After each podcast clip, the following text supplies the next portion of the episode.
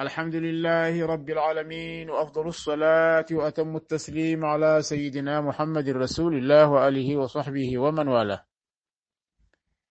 مناهج الإتقان إلى تحقيق مقاصد الإحسان الحلقة الرابعة والعشرون. العنوان فناء المقربين في حضرة الحق تقديم ومذاكرة محمد كرم يوسف معروف. قال المؤلف حفظه الله فناء المقربين في حضرة الحق. وأصحاب القرب الإلهي هؤلاء دأبهم التوجه بالهمة العلية اشتغالا بمحبوبهم حتى لو ضرب العاشق الوامق منهم بالسيوف لم يحس.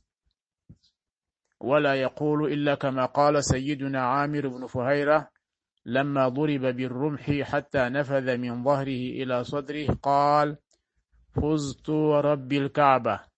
وسيدنا بلال رضي الله عنه حين حضرته الوفاة صاحت زوجته وكرباه فقال هو وطرباه غدا ألقى الأحبة محمدا وحزبه.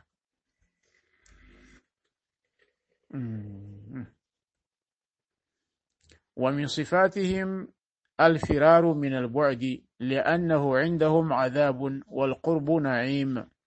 لأن هؤلاء لم يبق لهم حكم إلا في عالم الأرواح وإحاطتهم تكون حول الأفعال بحرارتهم وحول الأسماء بجمعهم وحول الذات بحقيقتهم. وهؤلاء هم الذين غابوا في الحقائق عن كل الخلائق ولا يشهدون إلا ذات الحق تعالى من وراء حجاب العظمة والكبرياء.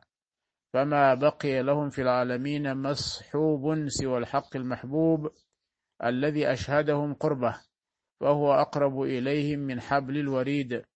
وسمي هؤلاء بأصحاب القرب لكونهم محفوظة قلوبهم وأوقاتهم فلا يغيبون ولا يغفلون عن محبوبهم وهم في هذا المقام على مرتبتين. منهم من حجب بالعين عن مشاهدة مواقع البين فأغناهم ذلك عن الاعتماد على أنوار الهمة والإقبال فالكريم لا تتخطاه الآمال.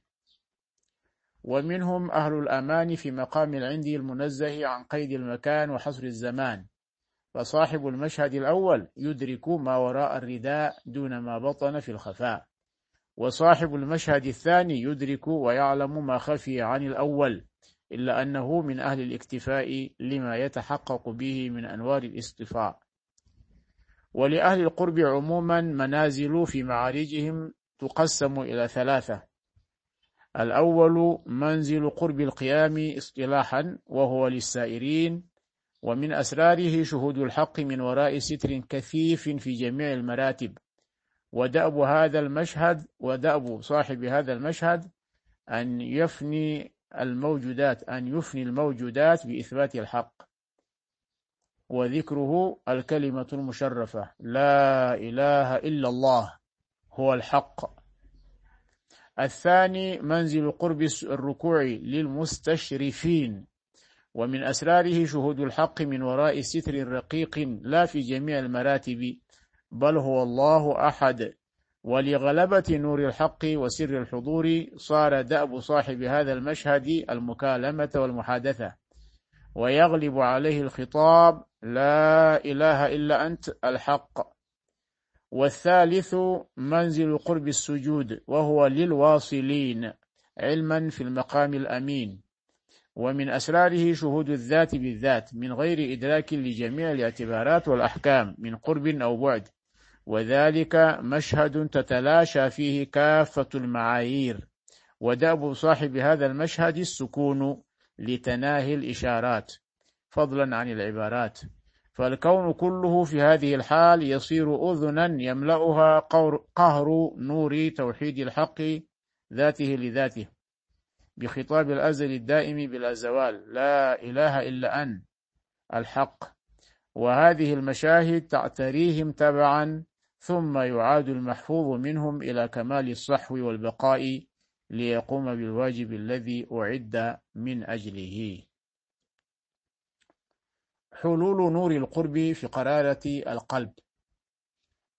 قال الشيخ حفظه الله ونور القرب يا حبيبي إذا حل في القلب أبصر الروح وانفتحت جوهرة المعرفة واليقين في سر العبد وتخلصت الذات من السفليات وارتقت إلى العلويات وبالتحقق بمقام التسليم تتفجر المعارف من لدن الحكيم العليم ويظهر للعبد حينئذ سر قوله تعالى وفوق كل ذي علم عليم سورة يوسف 76 الآية 76 والسر كل السر في التزام النهج القويم والأخذ بالسبب الأقوى وهو الذكر مع الحضور وغيره.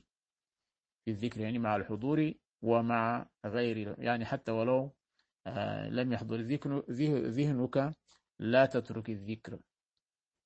قال في الحكم لا تترك الذكر لعدم حضورك مع الله فيه لأن غفلتك مع وجود ذكره أشد من غفلتك في وجود ذكره.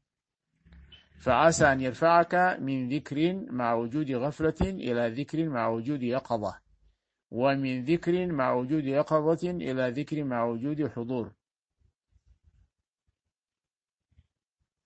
ومن ذكر مع حضور مع وجود حضور إلى ذكر مع وجود غيبة عما سوى المذكور. وما ذلك على الله بعزيز. وفي الحديث عن الإمام علي بن أبي طالب كرم الله وجهه عن النبي صلى الله عليه وسلم أنه قال من نقله الله من ذل المعاصي إلى عز التقوى أغناه بلا مال وأعزه بلا عشيرة وآنسه بلا أنيس. ومن خاف الله عز وجل أخاف الله منه كل شيء. ومن لم يخف الله عز وجل أخافه الله تعالى من كل شيء. ومن رضي من الله تعالى باليسير من الرزق رضي الله تعالى منه باليسير من العمل. ومن زهد في الدنيا ثبت الله الحكمة في قلبه وأنطق الله بها لسانه وأخرجه من الدنيا سالما إلى دار القرار.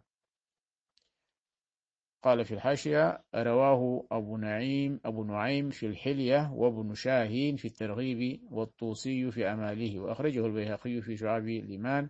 من كلام جعفر بن محمد رضي الله عن الجميع. قال وهذا وهذا الحديث حديث جليل مع جليل القدر عظيم الموقع. هذا حديث الذي يروي لنا سيدنا علي عن النبي صلى الله عليه وسلم. حديث جليل القدر عظيم الموقع. صحيح. وعن معاذ بن جبل رضي الله عنه قال أخذ بيدي رسول الله صلى الله عليه وسلم فمشى قليلا ثم قال يا معاذ أوصيك بتقوى الله وصدق الحديث ووفاء العهد وأداء الأمانة وترك الخيانة ورحم اليتيم وحفظ الجوار وكظم الغيظ ولين الكلام وبذل السلام ولزوم الإمام والتفقه في الدين وحب الآخرة.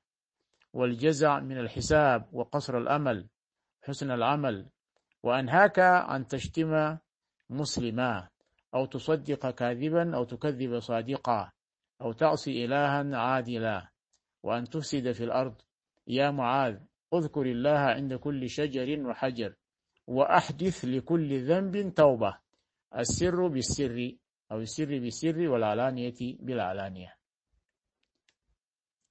وهو منهج راق في التربية على الأخلاق وحسن السير والسلوك في الحياة وهو أصل فيما يلقنه المشايخ لتلامذتهم عند التزامهم العهد والميثاق في الطريق. وعن عبد الله بن عمرو رضي الله عنهما أن معاذ بن جبل أراد سفرا فقال يا رسول الله أوصيني قال اعبد الله ولا تشرك به شيئا قال يا رسول الله زدني قال إذا أسأت فأحسن وليحسن خلقك. يعني وصاه بالإحسان إذا أساء وأن يحسن خلقه. وصية جامعة. ورواه الطبراني بإسناد رواته ثقات. عن أبي سلمة عن معاذ قال قلت يا رسول الله أوصيني. قال اعبد الله كأنك تراه واعدد نفسك في الموتى. واذكر الله عند كل حجر وعند كل شجر وإذا عملت السيئة فاعمل بجانب بجنبها حسنة. السر بالسر والعلانية بالعلانية. وأبو سلمة لم يدرك معاذا. وعن معاذ وأبي ذر رضي الله عنهما عن رسول الله صلى الله عليه وسلم قال اتق الله حيثما كنت وأتبع السيئة الحسنة تمحها وخالق الناس بخلق حسن. أخرجه البيهقي في كتاب الزهد من رواية إسماعيل.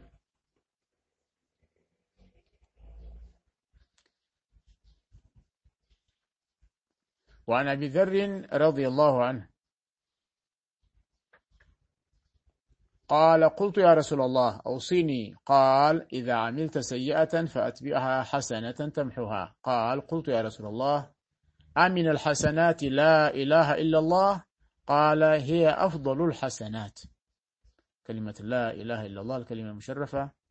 سأله أهي من الحسنات؟ قال هي أفضل الحسنات.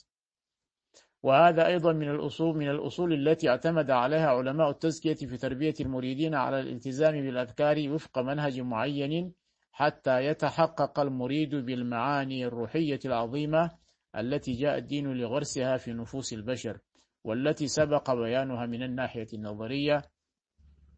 والآن آن الأوان للشروع في جوانبها العملية التي يمكن للمسلم أن يلتزم بها في حياته من أجل تقوية صلته بالله تعالى وتحقيق الغاية من وجوده في هذه الحياة وهي إقامة العبودية الحق لله تعالى. فذلك هو موضع الأبواب التالية من هذا الكتاب. إن شاء الله تعالى ونواصل بإذنه تعالى.